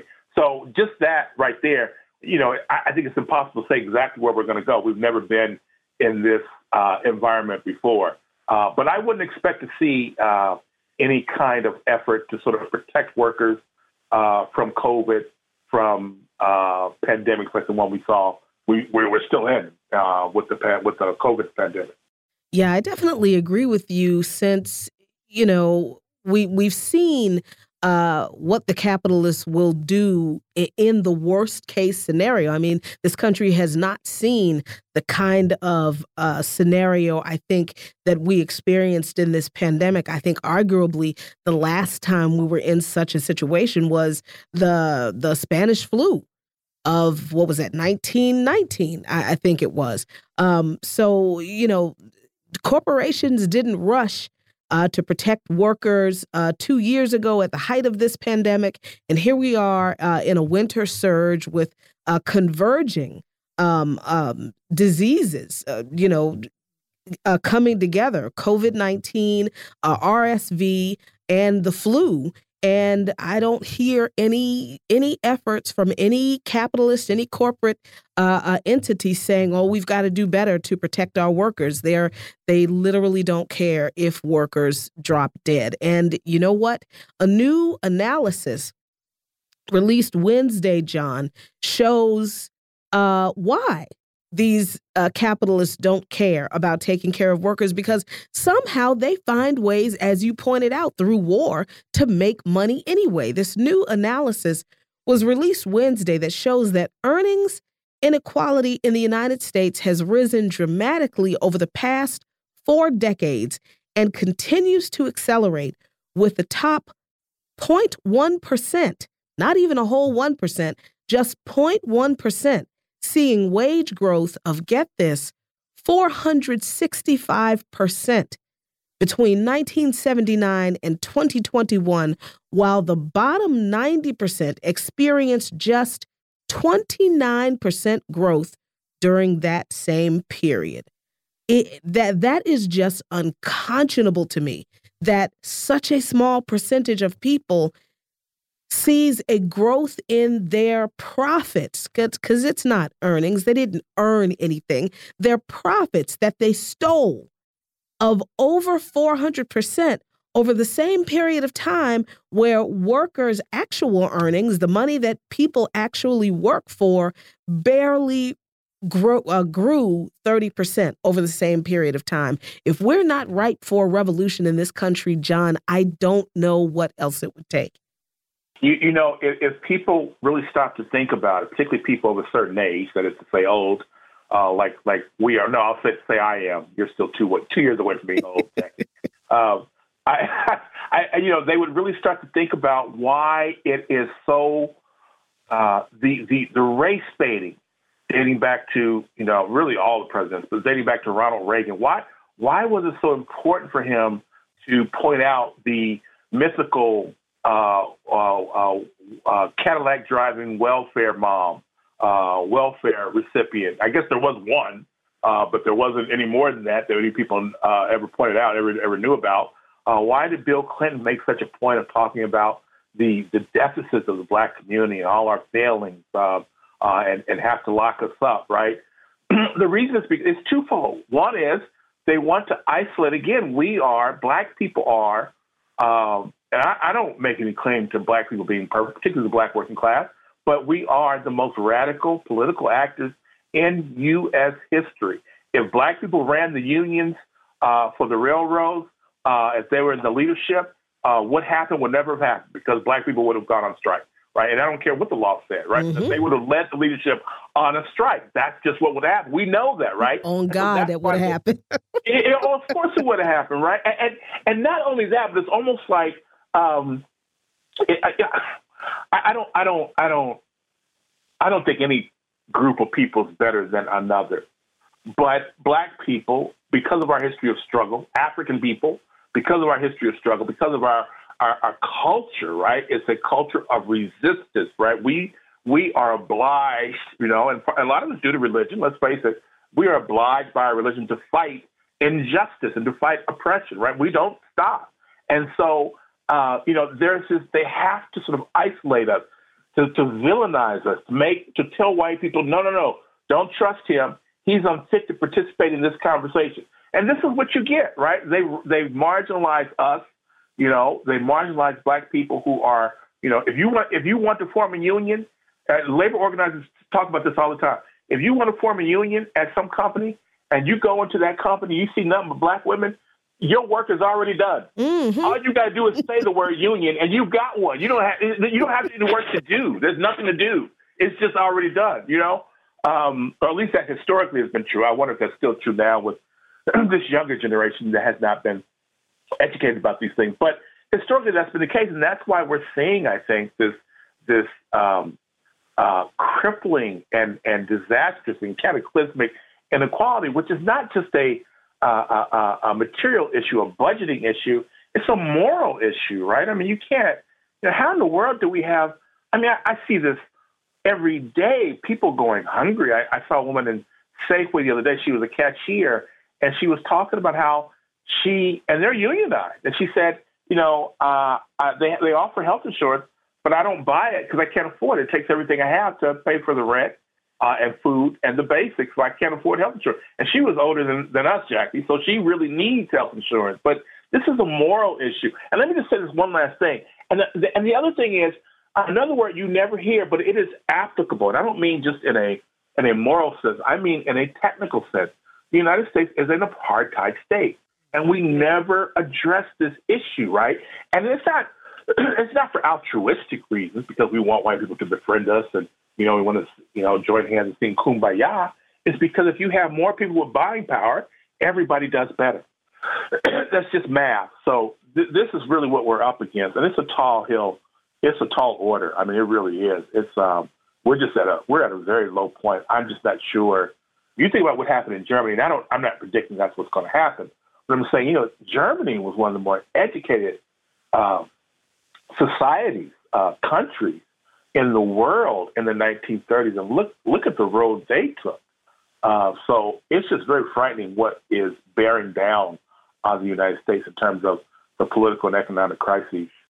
I think it is frightening, and that's what I think drives so many people in this country to in action, but I am going to take the words of Henry Highland Garnet to heart. I spoke about him earlier today, and I'm going to listen to him when he said, Let your motto be resistance, resistance, resistance.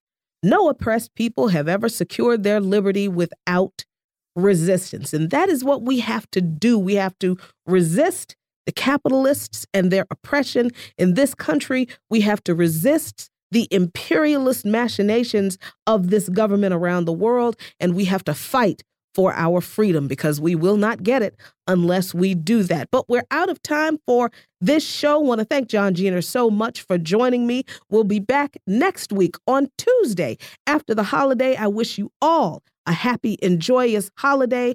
Until next time, peace by any means necessary.